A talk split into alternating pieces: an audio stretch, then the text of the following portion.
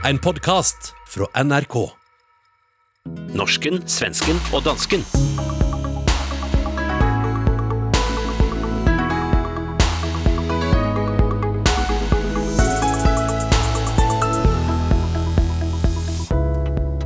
Er det rasistisk å kalle et utstillingsrum Vitahavet? Er det på tide å skifte ut nordmann med et mer kjønnsneutralt ord? Og har danskene nå fått nok av coronaregler?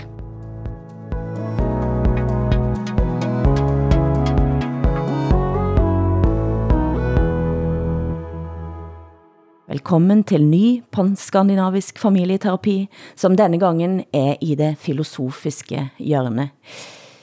Men Hassan, du sa forrige uke at du frygter at bli landfast med Sverige, hvis ikke isen smelter snart nu. Og denne uken kom nyheten om at i alle fall en trussel rykker nærmere den danske grænsen. Vi kan høre her fra P4 Kristianstad. Vargar har bildat revir i Skåne och det är det första i modern tid bekräftade Länsstyrelsen och Sveriges lantbruksuniversitet under onsdagen. Reviret som ligger vid Linderödsåsen har markerats av ett vargpar som består av en hane från Västmanland och en hona från Östergötland. Nils Karlsson, vilthandläggare vid Länsstyrelsen, berättar vad det innebär. Då går de tillsammans och de kommer med största sannolikhet para sig. Mycket möjligt få ungar. Ja, Hassan, sover du dårligt om natten? Her er det altså det første vargparet, ulveparet, som parer sig ret over broen. Ja, altså, øh, jeg sover altid dårligt om natten, men det har faktisk ikke været på grund af ulvene, som det jo hedder på dansk. Øhm, det, er, det er der alle mulige andre årsager til. Men, men altså i øvrigt, vi, vi bliver ikke landfaste med Sverige, fordi nu er tøværet heldigvis kommet til Danmark. Og jeg siger ikke heldigvis kun, fordi jeg ikke vil være landfast med Sverige. Jeg siger det også, fordi vi danskere, vi kan ikke finde ud af det med is. Altså, øh, øh, politiet må, må, må, må give os bøder for at gå ud på isen, ikke? Og folk falder igennem den is, som ikke er frosset til. Men ikke kun folk, også heste og biler, ikke? Øh, så på den måde tænker jeg, at det øh, af mange årsager godt, at tøværet er kommet. Men Hilde øh, og Åsa, der har faktisk været en ulv i Danmark, som her i sidste uge endnu en gang begik øh, mor på for, på for øh, i Jylland. Øh, og man har selvfølgelig spekuleret meget i, øh, hvad det er for en ulv. Og det er formentlig den tyskfødte han-ulv med navnet GW1430, som myrder får i Jylland. Altså tysk invasion, er det bedre end den svenske, vil du sige? Så vi, vi har jo prøvet det før med, med den tyske invasion. ja, det er svært, ikke? det, det, det vil jeg undlade at svare på. Det är så roligt att du pratar om, om, om vargar som mördar får. ja, verkligen. Men, inte att de har någon slags naturlig instinkt att de ska äta, de är mördare. ja, men det er jo fordi, jeg er så uforbundet til naturen, ikke? og det tænker ja, jeg måske ja. lidt, at vi danskere generelt måske er. Ikke? Det er netop det, og det tænker jeg, det er det problem med isen er også. Men du, Åsa, du er jo altså i Luleå. Där är det ulv, eller? Här är det varg och här är det minus 20 grader. Det är vanvettigt vackert när jag sitter här på Stadshotellet och så kan jag titta ut över, över den bottenfrusna sjön. Ja. Eller vad det är för vatten som är utanför. Jag vet inte. Med eller utan salt. Folk, folk går där i alla fall och åker spark och det är ja. fantastiskt fint. Ja. Skidor och... Mm. Men eh, jeg må bare innom lidt dansk politik, Hassan, før vi suser videre. Det går rykter om eh, Dansk Folkepartis formand. Er der noget nyt der? Altså, eh, ja, rygtet er jo, at eh, Christian Thulesen Dahl, som Dansk Folkepartis formand hedder, øh, er forsøgt væltet. Altså, at der på to dramatiske møder har været partifælder, som gik øh, til angreb på ham. Og det skyldes jo naturligvis, at det ikke går godt for Dansk Folkeparti. Og der er ligesom sådan en yngre bevægelse eller klub, som ønsker, at, øh, at magten skal ligge et andet sted. måske et, et mindre, hvad kan man sige, øh, bredt folkeligt og mere nationalkonservativt sted. Øh, og der kommer om et øjeblik øh, en bog om Dansk Folkepartis 25 år, som hedder Skaberen, Taberen og Frelseren. Øh, og, øh, og man forventer, at der i den bog vil komme sandheder fra, så, frem, som ikke er behagelige for partiet. Ikke? I Norge er jeg tænkt, prøvet at tænke på, hvad sker, og her er det helt stille. Jeg lurer på, om det er, fordi alle er på Clubhouse. Hvad er det? Og i udgangspunkt, det er jo en app, som har kommet et socialt medium for snak. Har dere lastat ner Clubhouse? Jag har inte det. Jag, jag har förstått att journalister ska inte göra det. Därför att om man laddar ner den där appen, eller jag fattar ju inte sånt här, men att det är för journalister så är det inte så bra på grund av källskydd og sådär. Har jeg forstått. Nej, og, og jeg må bare indrømme, i udgangspunktet så burde jeg kanskje ha elsket det, fordi det er snak. Eh, men jeg orker bare ikke at gå ind, og jeg, har, jeg er jo glad, jeg har mit eget lille clubhouse med dere. men det at alt kan snakkes om, og at alt kan diskuteres, har været en grundlæggende drivkraft i det, jeg har jobbet med. Altså et liberalt princip. Ingen frihet uden ytringsfrihet. Men der er noget, som er i færd med at ske, og vi har snakket om det i mange program. Vi har sett tendensen i radikale miljøer, der selve ordet ytringsfrihed omtales ironisk. Men nu må jeg sige, at de sidste ukene synes jeg det rykker stadig nærmere mainstream, og i Skandinavia, samtidig som en afstand øker mellem identitetspolitisk troende og ikke-troende på felt efter felt. Og jeg har lyst til, at vi skal bruge lidt mere tid på dette i dag, gennem fire veldig ulike saker for Skandinavia, for at se om vi kan komme oss noe videre. Først til Sverige. Vi har tidligere snakket om uro på Kunstakademien i Oslo og København i etterkant av Black Lives Matter, men foreløbig har det været stille i Sverige, men denne uken smalte på Kunstfak også. Hvad skjedde? Ja, det är ett konstnärskollektiv som består av eh, studenter med minoritetsbakgrund som kallar sig för Brown Island. Och de kräver nu att en utställningssal som heter Vita havet och som har hetat det i många, många år, att det ska byta namn till havet bara. De kräver också att ett, ett annat samlingsrum som heter Vita kuben ska byta namn bara till kuben. Och de säger att de här orden i sig är visserligen inte rasistiska, men de kan tolkas rasistiskt, säger de. Mm. Och den tolkningen ligger ju liksom alltid i betraktarens ögon, skulle jag, skulle jag replikera då. Men det, det, det är en stor diskussion helt enkelt som, som visar på motsättningarna här mellan de som är identitetspolitiskt troende och de som inte är det. Det var professor i designhistorie, Sara Kristoffersson, som gjorde at debatten skjøt fart, efter at hun tog op eh, navnediskussionen navnediskussion i en debattartikel i Dagens Nyheter, og vi kan høre henne her på Kulturnytt på SR alltså att bekämpa rasism är viktigt och det har jag aldrig påstått någonting annat. Men jag vänder mig mot att man vill skriva om historien och att man ignorerar fakta.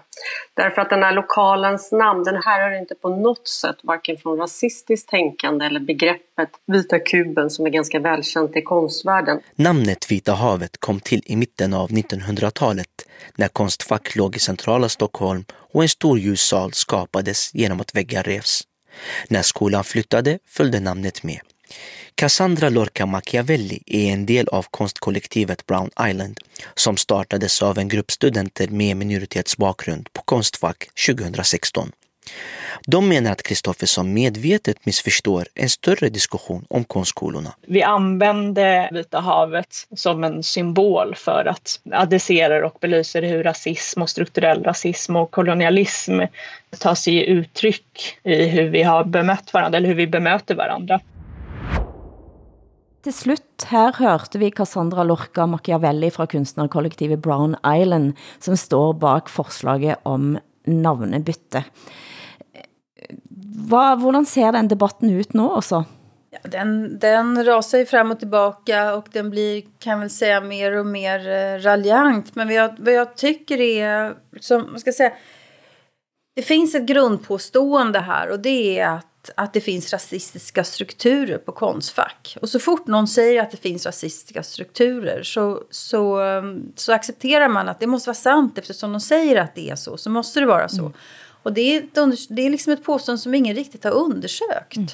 Det är samma sak med, med det stora bråket som vi hade på Sveriges Radio här alldeles nyss med ett upprop också. Det finns rasistiska strukturer påstår man och sen så liksom tar man det då för allmänt, allmänt sant bara för att någon säger att det är så. Jag vill också inflika, jag tror inte det finns någon högskola i hela Sverige faktiskt som har antikoloniala teorier som liksom arbetsfält så som Konstfack har. Det är liksom helt integrerat i deras utbildning, liksom det här perspektivet. Men nu, altså, nu er det jo 44 ansatte på Kunstfak som har signert på et indlæg mot professoren, som tog denne saken ut i offentligheden, fordi de mener, at det skader tillit mellem studenter og ansatte. Mm. Det er jo også en måte at sige, at ja, visst kan man ha disse samtalene, men ikke fortælle om det. Altså, hvad, hvad er det? Ja, det är ungefär så de säger också. Jag menar, det är ganska svårt. Alltså, Konstfack det är en jättestor arbetsplats. Det är väldigt svårt för oss utomstående att veta vad det är som händer där inne. Hur ser relationer ut och hur ser hierarkier ut och vem har sagt vad och så. Det är väldigt svårt för oss att avgöra det. Vi kan egentligen bara ta ställning till kravet på att man ska byta namn på en utställningssal därför att ordet vitt är problematiskt. Det är egentligen där vi har vår kompetens och legitimitet att prata.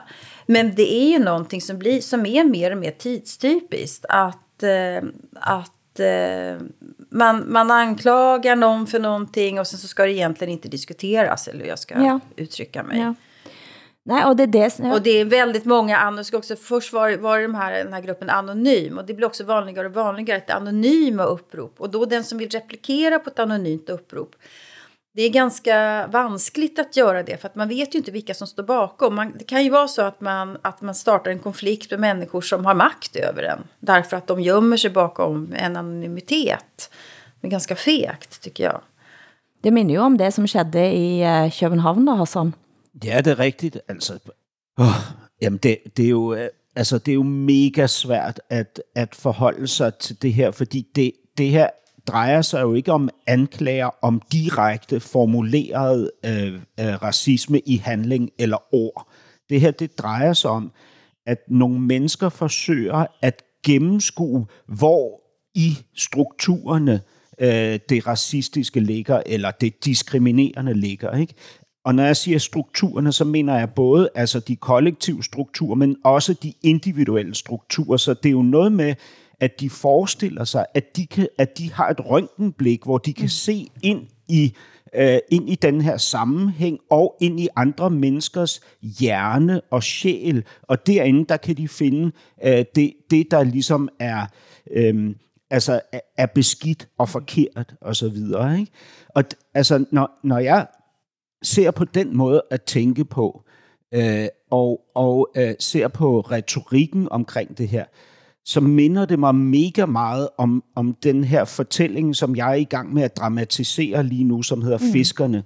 Den handler om Indre Missions overtagelse af et lille grundvigiansk samfund. Ikke?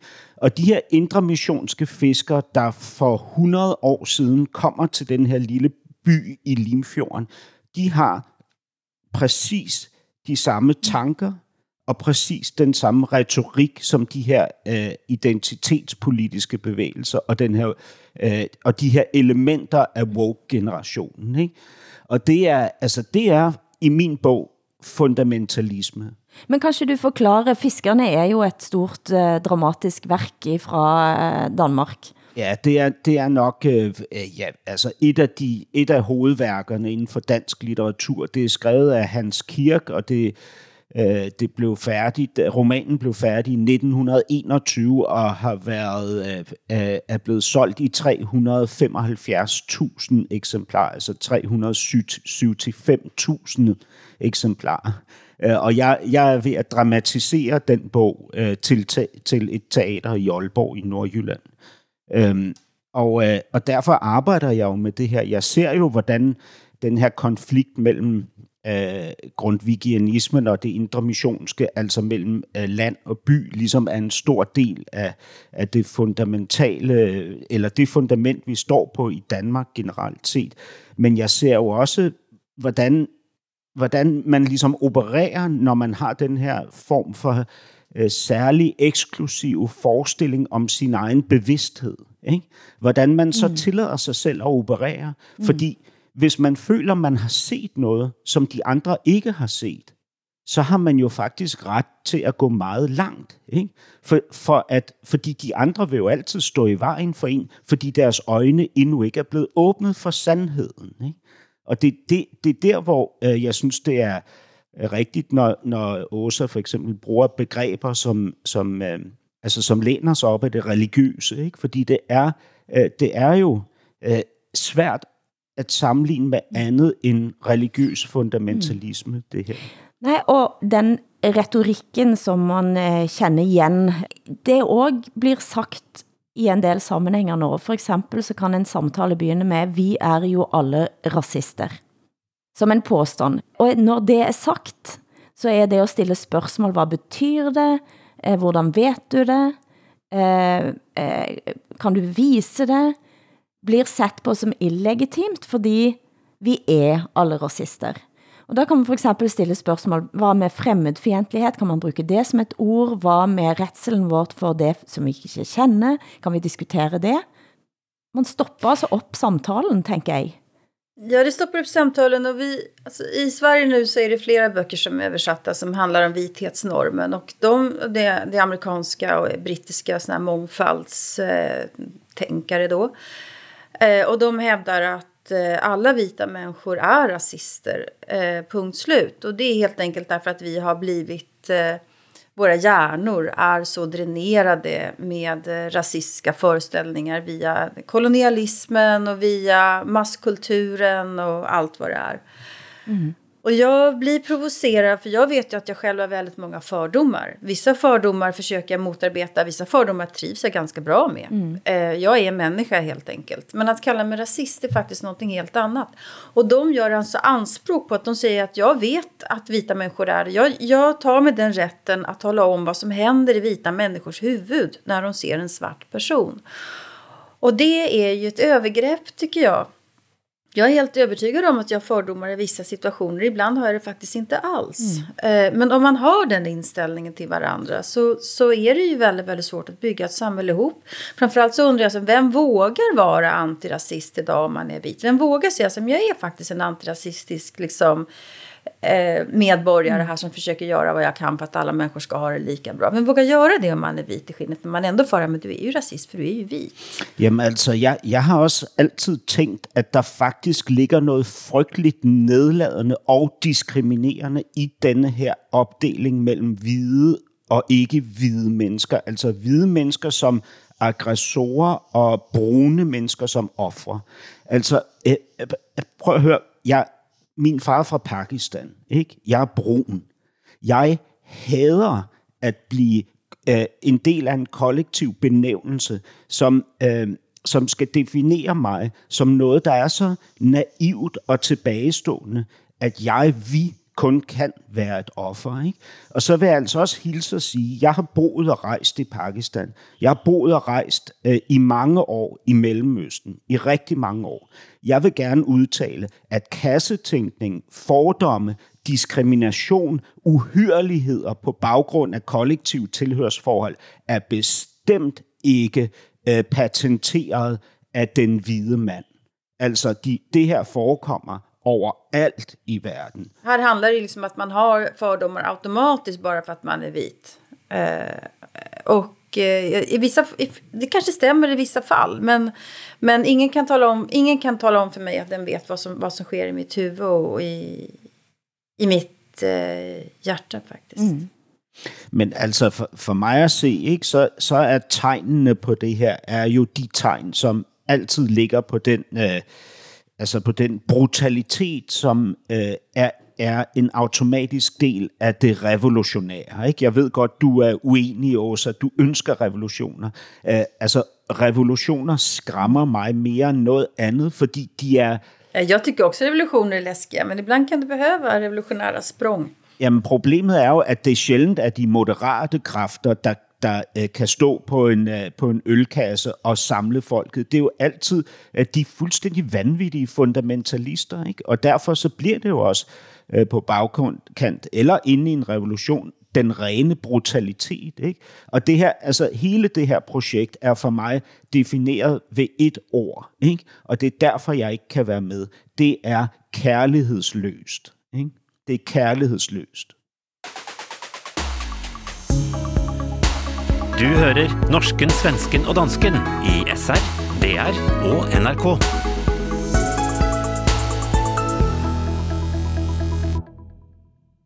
Denne uken så var det også en stor artikel om Danmark i New York Times, som kan eh, linkes til dette, Hassan. Ja, det er rigtigt. Altså, jeg vil lige sige, at uh, i Danmark, der har Facebook uh, her de altså, seneste Øh, timer har været ret aktivt, fordi den her tendens har jo Facebook som platform, kan man sige. Ikke? Og Facebook har jo også bestemte øh, retningslinjer, de anvender sig af, som, som støtter op omkring det her, ikke? Øh, som vi ser.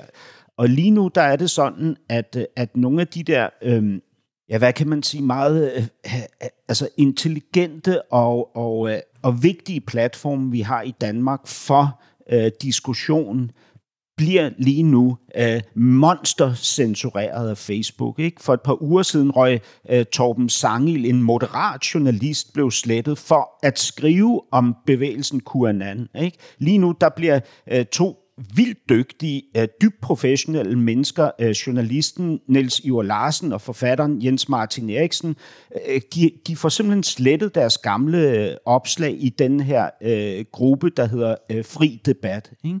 Øh, og, og det er jo bare, hvad hedder det, tendensen lige nu. Ikke? Øh, man, man har også set på New York Times, som du nævnte for et øjeblik siden, Hilde, at journalister bliver opsagt, ikke for at have brugt et, øh, et forkert ord i en, i en bestemt øh, krænkende sammenhæng, men for at have refereret, at der i krænkende sammenhæng er blevet brugt et forkert ord. Ikke? For mange år siden oven i købet. Ikke?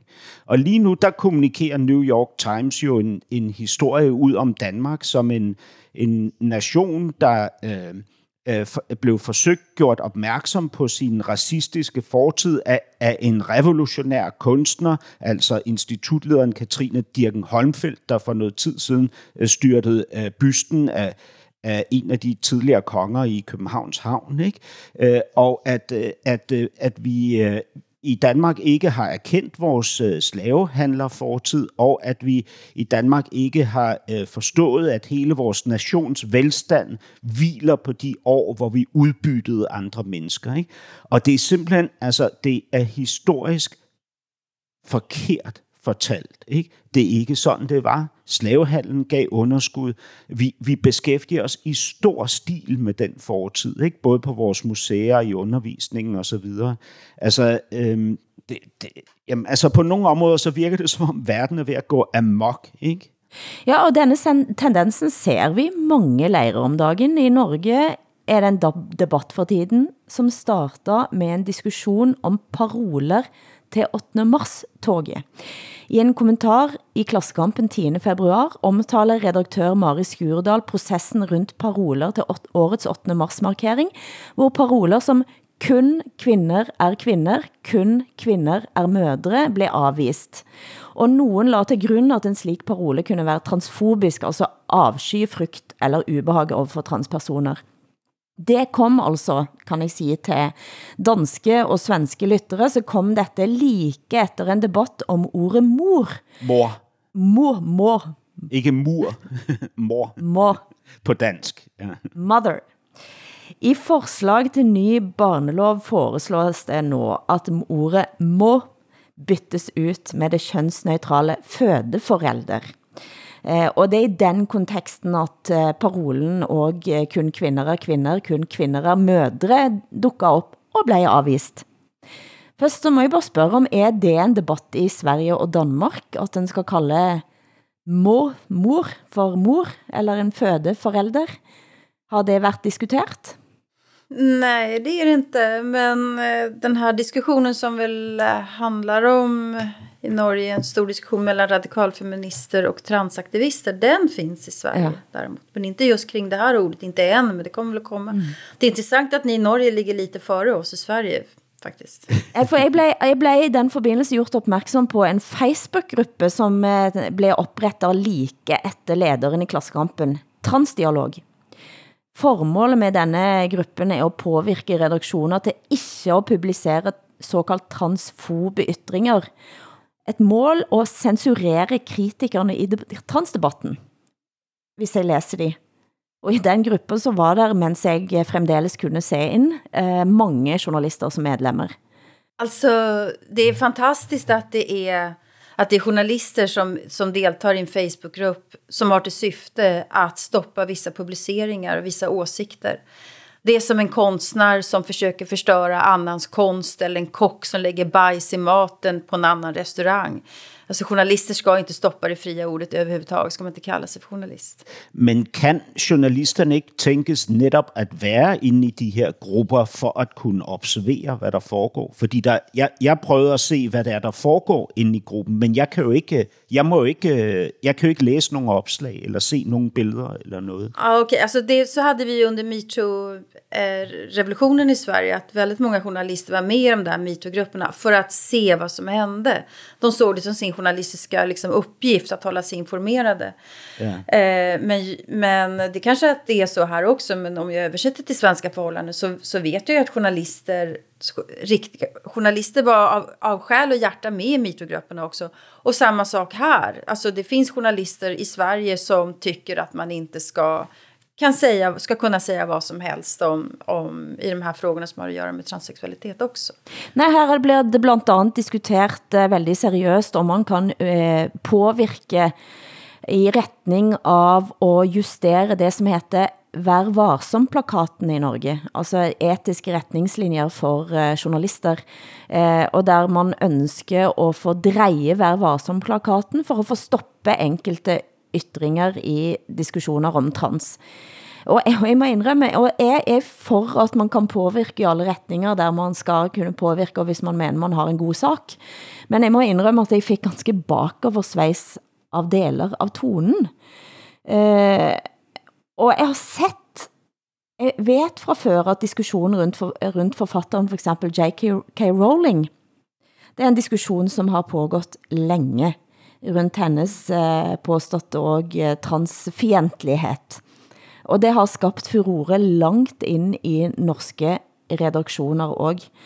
Og det at diskutere denne typen saker saklig, eh, jeg blir, jeg blir urolig over for den tonen, eller det, det man står over for, når man ser, hvad de journalisterne, som eh, for eksempel Mari Skurdal, eh, skriver, som er ganske nøgternt rolig vad en blir mött med?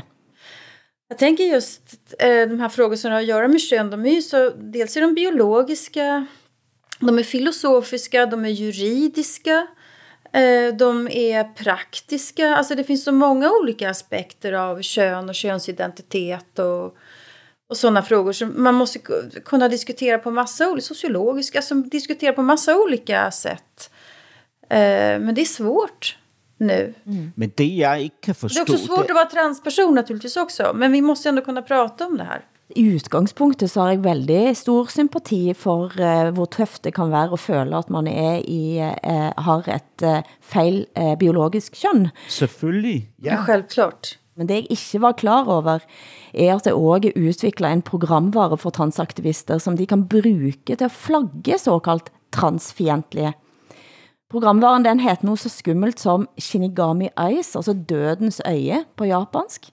Og det, med denne programvaren, som du er en enkel tillæg i netlæseren Chrome, eh, så kan du altså eh, bruge den til at flagge folk som transfientlige, men du kan også flagge folk som transvenlige. Trans... Ja, men, men, men Hilde, man, jeg tror, du bliver nødt til at forklare, hvad, hvad det helt præcist betyder, det her. Mm. Fordi, ja. Det betyder, at hvis jeg laster ned dette tillægget i Chrome, i netlæseren Chrome, så betyder det, at når jeg har det tillægget, så kan jeg gå ind på dit navn i Google, og så kan jeg flagge dig som transfientlig. Hvis du har været ute og ment noget i denne diskussionen. Betyder det att vem som helst som sen googlar ett namn som har blivit rödmarkerat ser att den här personen anses vara transofob? Eller måste man ha lastat ner den här dödens öga för att, eh, För att få det här röd, rödmarkerade? Det är för de som är invidde och som har denna eh, extension i Chrome, eh, så är det en flagging till alla andra som är invidde. Eh, det betyder at eh, den som da har denne Chrome Edition kan tjekke ut folk. Hvis du er ven på Facebook, så vil det også være rødmærket der. Mm. Og så gjorde jeg et forsøg på at se, hvad sker, når man da prøver for eksempel at mærke nogen som transvenlige. Mm -hmm. Gå ind på J.K. Rowling, prøve at markere henne som transvenlig. Det som sker da, er at man får op en hel meny, en guide, som fortæller dig alle de årsakene, eller de, de begrundelsen, som ikke er holdbare. For eksempel så er det ikke holdbart at sige, at man er transvenlig, bare fordi man siger, at man er generelt for LGBT, eh, eller fordi man mener, at vold mot eh, skeive er, eh, skal man ikke drive på med. Det er ikke en gyldig. Det betyder ikke, at man er transvenlig. Det er heller ingen gyldig grund at sige, at man er transvenlig, fordi man ønsker begge sider av en sak, eller som det står, freedom of speech i hermetegn. Mm. Skal man så, når, når man flagger en person derinde, skal man så argumentere for sin kategorisering af et andet menneske? Eller? Nej. Så den er helt fri, og, og du vil så efterfølgende, hver gang du bliver googlet på på uh, Google uh, Chrome, så vil der ud for dit navn være markeret, at du er transfjendtlig, for eksempel. For alle de andre, som har den, uh, den programvaren. Potentialet i det her er jo, er jo skræmmende, ikke? Altså, nu, nu er der måske lytter, der vil sige, jo jo, det er jo bare et lille transmiljø, der øh, kommunikerer med hinanden øh, via en app, som de attacher til Googles øh, øh, søgebrowser, ikke? Men potentialet i det her er jo skræmmende, ikke? Fordi hvad, hvad kan man så øh, kategorisere folk som i fremtiden via det her? Mm. Jag gick in på den där øh, appen för att se vad det var för någonting och øh, där står det alltså tydligt att ibland kan det vara svårt att, att veta vem som är transofob och den som är transvänlig. Eh, så därför, och därför så är det här då en guide. Och det betyder helt enkelt att jag ska själv inte behöva ta reda på vad någon människa har sagt eller gjort. Utan det här bara gör andra åt mig. Men jag tänker också, Hassan är inne på något viktigt här. Man kan tänka så här, men det är bara en liten grupp som kommunicerar med varandra och det vet man, det är de där. Men om vi tar hela konst eller kulturvärlden, där sitter väldigt ängsliga, nervösa arbetsgivare. De vill inte anställa någon som kanske är transofob. Så de går ju in där, skulle jag säga. De lastar ner det här verktyget och så skannar de av och så ser de, att den här har blivit anklagad för transofobi.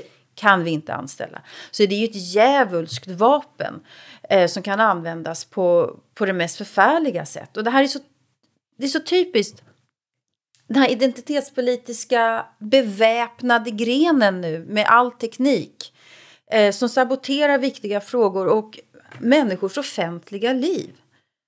Nej, men altså, jeg tænker jo, altså, en ting er denne saken, så kan man sige, som Hassan siger også, at det gælder bare nogle ytterst få. Men det er jo et værktøj, som kan brukes for hvad som helst. Absolut. Eh, man kan flagge folk for politisk opfatning, for religiøse synspunkter, for handlinger. Eh, man kan flagge de man ikke liker holdninger. Oh. Ja, altså, jeg, jeg sidder her og holder lidt igen, ikke? fordi jeg, jeg synes jo, man skal være meget, meget varsom med at uh, sammenligne nutidige begivenheder med fortidens største uhyrligheder. Men jeg må bare sige, at vi har meget, meget dårlige erfaringer med at sætte stjerner på hinandens kroppe, som skal vise, om vi er gode eller dårlige mennesker, rigtige eller forkerte. Ikke? Om, vi, om vi skal inkluderes eller ekskluderes. Det, det ved vi fører till något forkert.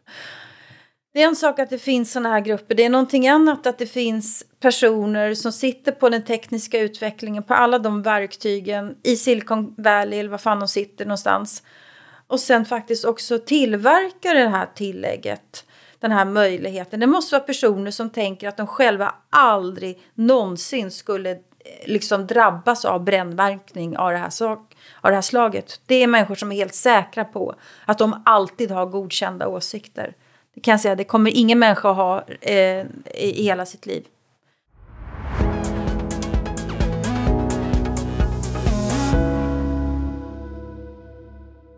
I forrige uke så blev det kendt, at det kom op en retssak mot en IS-kvinde i Norge i løbet av mars. En 30 år gammel kvinde, som er tiltalt for terrordeltakelse grundet hendes ægteskab med tre IS-krigere i løbet av seks år i Syria. Nå er det også kendt, at hendes døde søn, som da var ett år, eh, blir del av retssaken. Og i Åsne Seierstads bok To Søstre, så er det en ettåring som slås til døde av morens mand i Syria.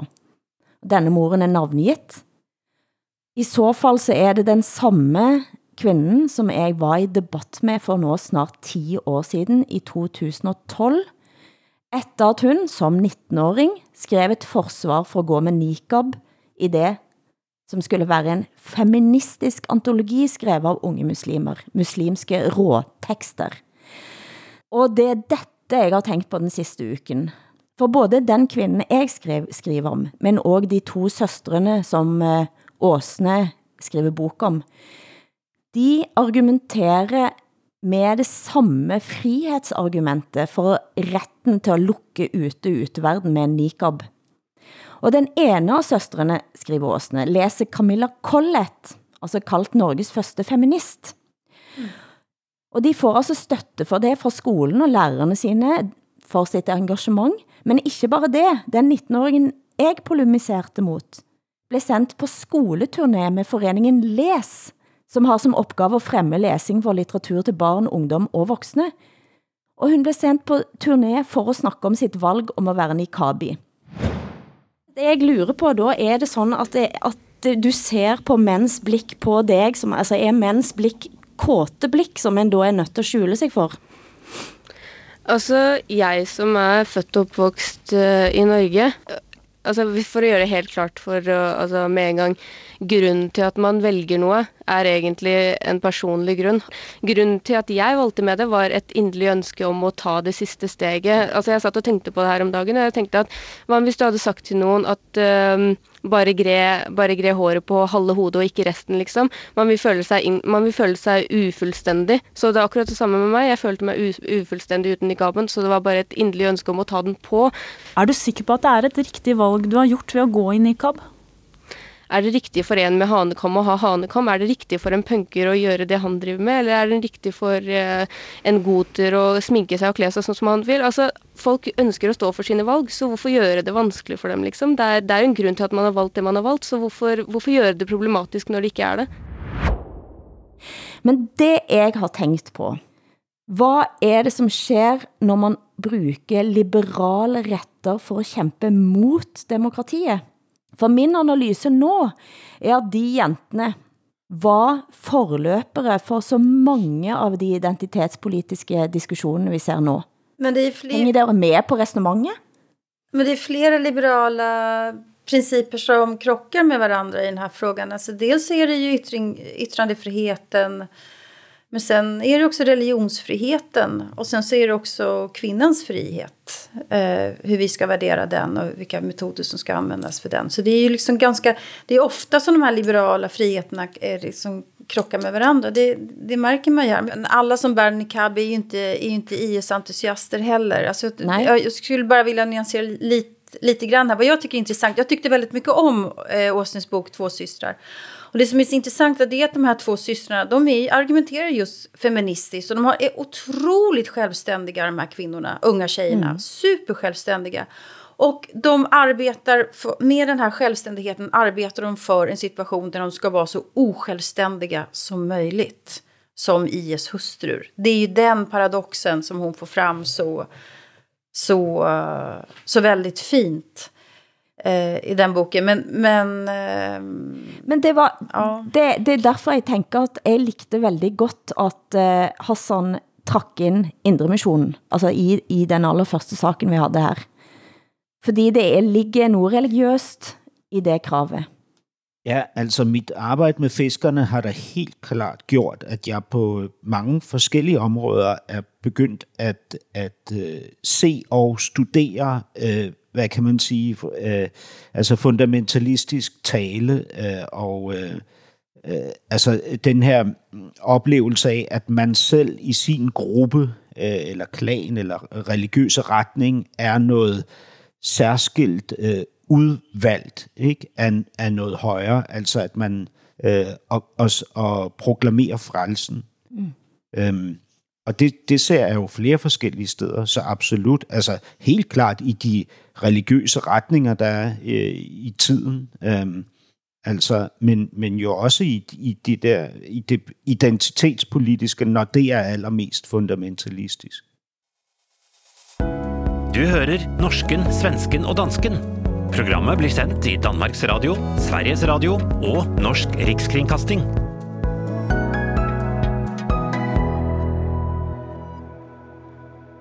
Men vi kan ta en liten runde på, på corona, for det har gått lidt i stå i, i Danmark og eh, Hassan. Eh, danske butikkøjere har gjort oprør og forsøger nå gennem en Facebook-gruppe at koordinere en national genåbning – og I kan eh, høre en av butikkejerne, som blev interviewet av Ekstrabladet. Hvorfor er det, at du har holder åben nu, når det er ulovligt? Det er under stille og rolige forhold i mit univers.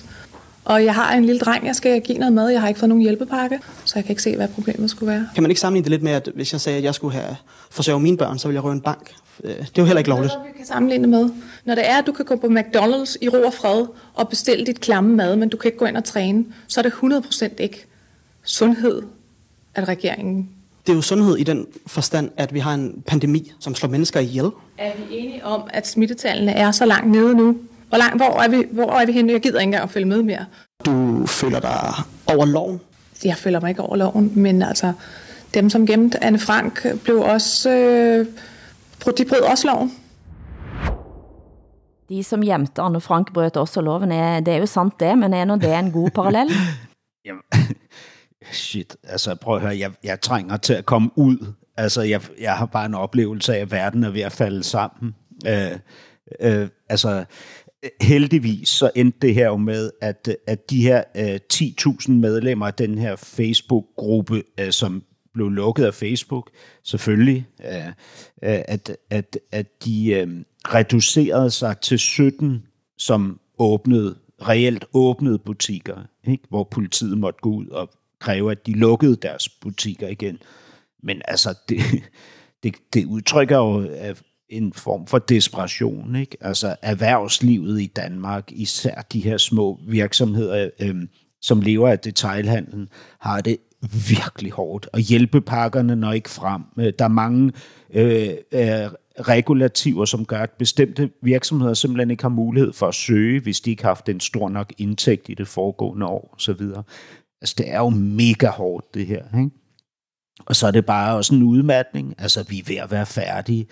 Folk er begyndt at holde øh, ulovlige fester, og som politiet må, må tage ud og lukke ned. Ikke? Vi har øh, de her øh, øh, øh heldigvis relativt små grupper endnu, ikke? Men in Black, som demonstrerer, øh, har demonstreret aggressivt i gaderne og så videre.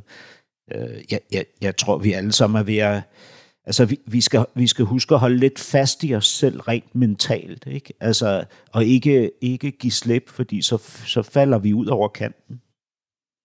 Nej, altså vi har jo snakket om eh, demokratiforståelse i dag, eh, bølger ind og ut, og en norsk forsker vil nå måle om demokratiske værdier er svækket av corona. Velkommen Sirianne Dalum, forstamanensis i statsvidenskab ved Universitetet i Oslo og seniorforsker ved PRIO. Takk for det. Eh, du skal forsøke å måle hvor trofaste vi nordmenn er mot demokratiske prinsipper. Så det vi vet i dag, er at en overveldende andel av nordmenn sier at de syns at demokratisk styresett er en bra ting. Dette når de, blir spurt i undersøkelser og får spørsmålet syns du demokrati er en bra ting, så sier veldig mange ja. Eh, og, like mange sier også at de syns sånn type mer sterke, autoritære ledere er en dårlig ting. Eh, men problemet er at vi vet ikke så veldig mye om hvor dypt dette her egentlig stikker. Og vi har sett i ganske mange andre land at man borer litt dypere i det, så finner man at eh, overraskende eh, mange innbyggere er ikke så lojale mot demokratiske prinsipper som man kanskje egentlig hadde trodd. Eh, og, og en grunn til dette her er jo at eh, når man får, blir spurt om dette i en undersøkelse, så er det ikke så mye som står på spill. Det koster ikke så veldig mye å si at demokrati er en bra ting. Mens i virkeligheten så er det ofte sånn at demokrati kan komme i konflikt med andre saker som man er veldig opptatt av. Og de fleste velgere har jo ofte en eller kanskje flere hjertesaker. Det kan f.eks. være knyttet til kanskje innvandring eller klimapolitikk eller andre ting man brenner for. Og spørsmålet er jo da hva gjør man hvis det f.eks. kommer et politisk parti eller en kandidat som er villig til å fire litt på demokratiske prinsipper, men for å sikre 100% oppslutning om denne hjertesaken, er man da villig til å akseptere at det fires litt på, på demokratiske prinsipper? Og dette var et eh, klipp fra Politisk kvarter. Eh, Uh, kender dere igen denne debatten? Ja, ja, i hvert fald udviklingen. Ikke? Altså, det er jo klart, når man er under pres, så kan demokratiet fremstå ekstremt tungt og langsommeligt. Ikke? Og øh, vi har jo også i Danmark øh, en nødlovgivning lige nu, som shortcutter demokratiet. Ikke? Jeg kan jo også mærke det i mig selv, ikke? at min øh, demokratikærlighed er är lite, lite truet för tiden. Ikke? Ja, alltså. Vi har inte haft den här diskussionen i Sverige överhuvudtaget. Jag tycker det är ganska, det är ganska märkligt för de som inte har varit, de som har varit kritiker till Folkhälsomyndighetens pragmatiska mm. linje, de har sagt så här, vi borde göra som Kina. Där Kina plötsligt blir, blir liksom föredömet ingen har varit särskilt bekymrad över att man inte kan ha stora folksamlingar, att man inte kan demonstrera längre, att man inte kan uttrycka sin mening. Utan det här har man ansett vara nödvändigt. Och då, frågan är ju, är den här pandemin så allvarlig så att man faktiskt måste, måste liksom karva i, i demokratin? Jag, jag vet inte, jag hoppas inte det. Men det är klart att det finns tillfällen i världshistorien när man inte kan ha folkomröstningar så att man måste agera väldigt snabbt också. Så är det ju, men att det måste ju diskuteras ändå. Tänker jag. Vi är i ett läge där vi har kunnat diskutera det här hela tiden. Men i Sverige har vi inte ens haft en demokratidiskussion som har att göra med corona. Det är ju inte klokt. Mm. Nej, det är ju väldigt avhängigt av att vi stoler på de beslutningarna som tas och, och, och det som ligger till grund för beslutningarna. Eh, Denna uken så har eh, TV2 i Norge en, eh, en sak som jag syns är väldigt intressant ifrån mikrobiologisk avdelning på Haukeland sykehus Eh, og de siger, at de nå etter hvert kan teste så mange, at vi har ganske så god kontroll. Og de mener også, at man har etter hvert så stor testkapacitet, at man kan gå tilbage til det, som var en strategi ganske tidlig, nemlig at teste og isolere smittestopp og karantæne som er noget helt andet end den føre var strategien, som eh, lammer mange norske byer nu. Ja, Altså i Danmark, der, er man jo, der taler man jo nu om at øh, udrulle sådan en kæmpe, kæmpe stor teststrategi. Ikke? Altså nogen taler endda om, at alle danskere skal testes to gange om ugen. Det vil jo sige 5,6 millioner mennesker, ikke? Altså børn, unge og gamle. Øh, børnene skal testes af deres skolelærer, de gamle af plejepersonalet, og resten af os skal gå bestemte steder hen, hvor vi bliver testet, ikke? Mandag, onsdag og fredag for eksempel. Øhm, det kommer så til at koste 100 milliarder danske kroner om året. Det vil svare til 1000 millioner, 100 milliarder svensker og norske kroner, men, men, men det, det er, hvad hedder det, det, pro, det, det projekt, vi er ude i her til lands. Ikke? ja, og, og så er de ved at udvikle en, en, en testpind, som ikke skal 10 cm ind i din næse og ned ind i kraniet, men kun 3 cm. Okay. Nå. Øhm, ja, så det bliver, det bliver jo bedre. Øhm. Har I prøvet at blive testet med den næsepind? Oh, altså, det ja, føles det er det værste, jeg har gjort. Ja, ja. Altså, det gør så ondt. Jeg troede, de skulle få ud hela min hjerne. Jamen, det føles jo som om, at de graver rundt inde i ens hjerne med den... Det, det knager og brager og knaser og sådan noget. Men, men Hassan, eh, helt kort til slut. Vi kan ikke ha en sending uden... Ja, hvad heter hun nu igen, den der damen? Som... Hvem, hvem taler vi om? Mm. Hvad er det? Hvad? Nu skal vi se her. Anders, Anders Tegnell? Tut, Tutte, hette hun det? Nej. Er det en kvinde? Ja. Det må være Mette Frederiksen. Mette Frederiksen blev jo øh, udnævnt til årets nytårstorsk i Ekstrabladet. Nytårstorsk, torsken er en fisk, og nytårstorsk er en ret, vi spiser i Danmark. Men en torsk er også en klovn. Ikke? Øh, øh, og Ekstrabladet udnævner hver år, hvert år en person som var årets klovn. Jag måste bara säga, och, alltså, en torsk på, på svenska förstås en fisk, men det är också någon som köper prostituerade. Nej, nej, så, för svensk, så för svenska lyssnare här, det är inte så att, att Danmarks statsminister har blivit årets eh, prostitutionsköpare, utan... Ikke hvad vi ved af. Årets clown, årets clown, eller hur? helt klart årets klovn. Ikke? Og det er så Ekstrabladets læser, der har stemt, og Ekstrabladet har forsøgt øh, nu i ja, hvad bliver det, to måneder at overlevere den her torsk til statsministeren. Men statsministeren har altså indtil nu ikke ønsket at modtage torsken. Øh, og det er hun jo fuldstændig fri til, øh, ikke at ønske selvfølgelig. Hun er jo et øh, menneske.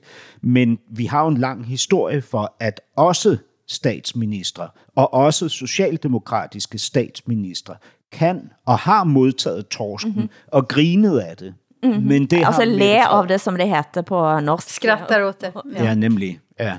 Mm. og, og for mig, uh, men I ved jo, jeg er jo ikke, hvad hedder det, objektivt på området Mette Frederiksen. For mig illustrerer det jo hendes, hendes manglende selvironi, ikke? Mm. som... Uh, men du har säkert rätt i det och det är också det som vi har pratat om här i så många avsnitt att att hon vägrar svara på frågor. Hon är väldigt arrogant mot journalister och sådär. Så att jag, förstår, mm. jag förstår att ni blir irriterade i Danmark på det här å ena sidan. Å andra sidan, ibland kan jag tycka att politiker, de bara ställer upp och ställer upp på det som ja. journalisterna vill att de ska göra. Eh, ibland skulle jag vilja ha en politisk, politiker som bara säger men håll käften nu. Försvinn härifrån till en journalist. Alltså att bara våga stå på sig faktiskt. För att vi, vi journalister, jag pratar för oss journalister som kollektiv, vi kan ju vara ha storhetsvansinne och ha extrema auktoritetstendenser också. Vi hade en statsminister i Sverige i 22 år, eller 21 år i alla fall, som hette Tage Erlander, socialdemokrat. Och när han var trött på journalisterna, då sa han bubbelibubb.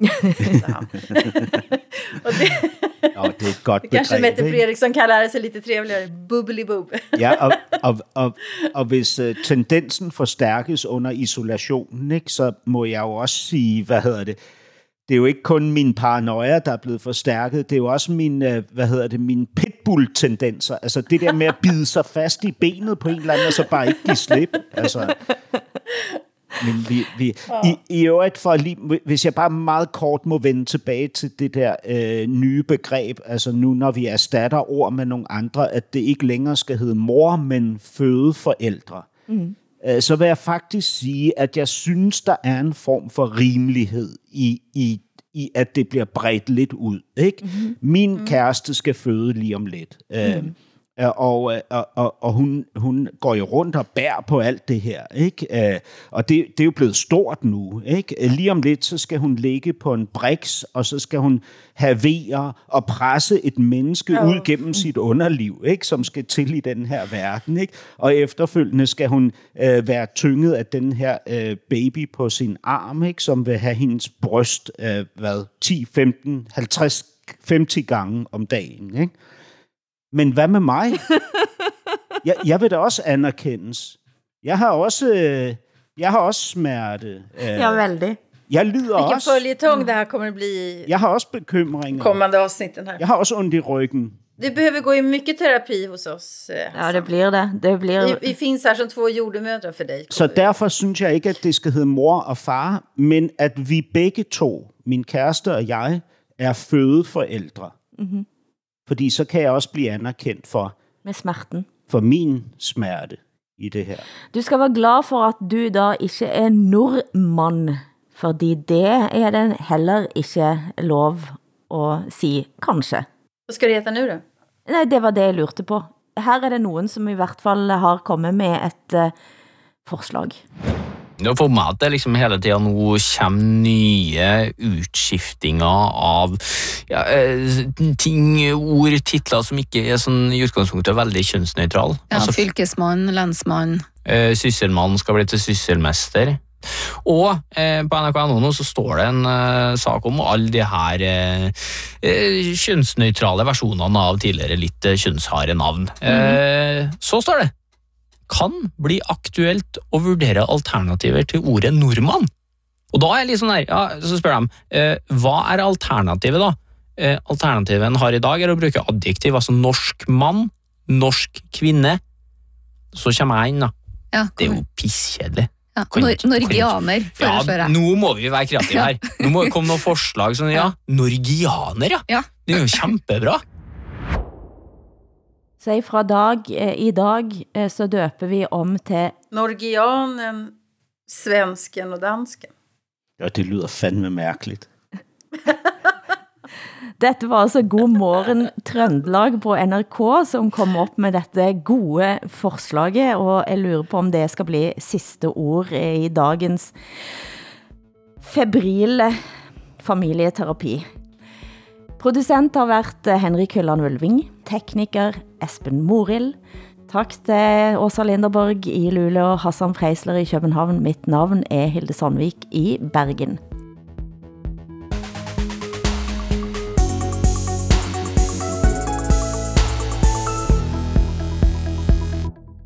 Du har hørt en podcast fra NRK. Hør flere podcaster og din favoritkanal i appen NRK Radio.